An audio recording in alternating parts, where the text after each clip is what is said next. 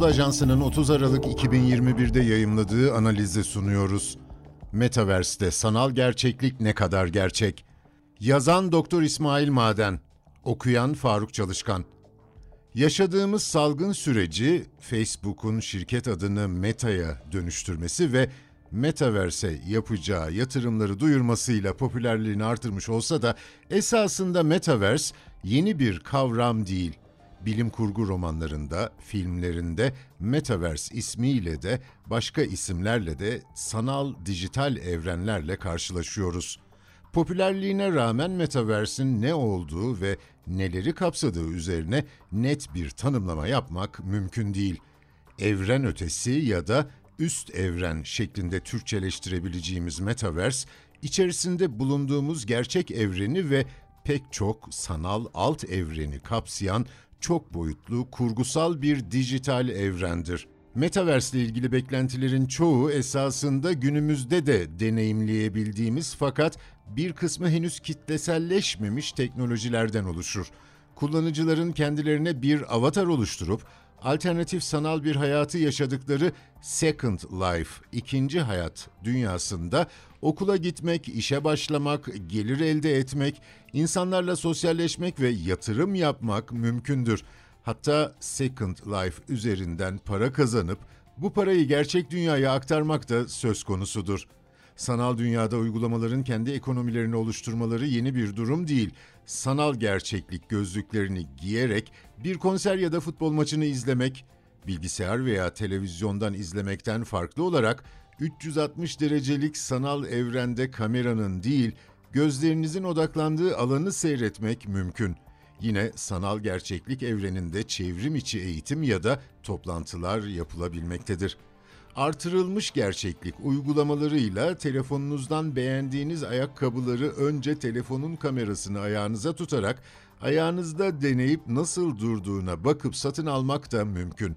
Artan internet hızlarıyla birlikte nesnelerin interneti de her geçen gün daha fazla hayatımıza giriyor.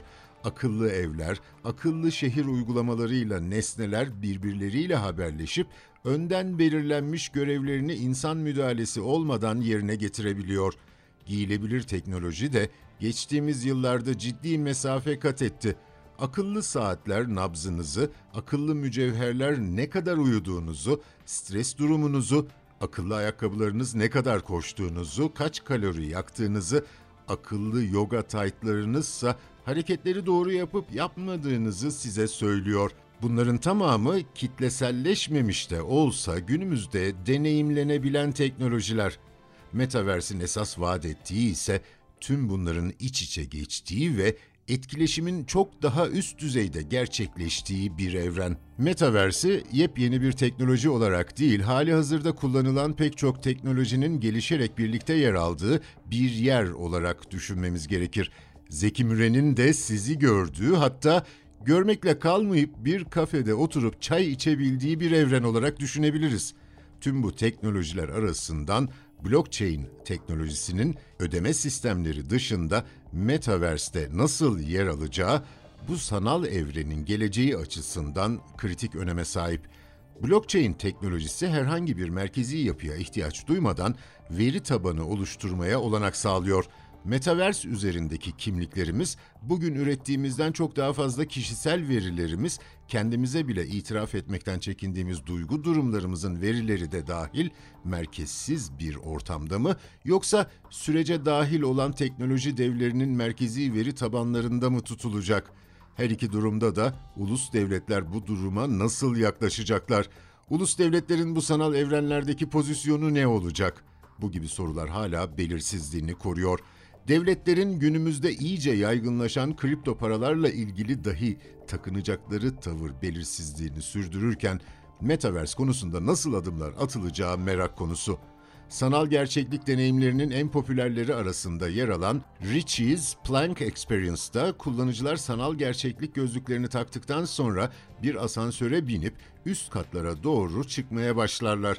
Asansör kapısı açıldığında önünüzde yer alan ince tahtaya basıp yürümeniz ve sonrasında da cesaret edebilirseniz aşağı atlamanız gerekmektedir. O an gerçekte bir odada olduğunuzdan ve atacağınız bir adımın oda içerisinde atılacak bir adım olduğundan yüzde yüz emin olmanıza rağmen sanal gerçeklik dünyasında o adımın sizi gökdelenden aşağı düşürecek olduğu hissi sizi engeller.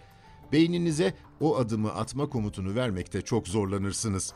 Bununla birlikte mevcut deepfake ve ses klonlama teknikleriyle şu an bile herhangi birisinin gerçekte hiç olmayan bir videosunu üretmek, hiç söylemediği şeyleri söyletmek ve bu ses görüntü kombinasyonunun gerçeğe son derece yakın olması mümkün. Bunun 360 derece sanal gerçeklik evreninde karşınıza çıktığını ve hatta elinizdeki özel eldiven yardımıyla dokunma hissini yaşayabildiğinizi düşünün.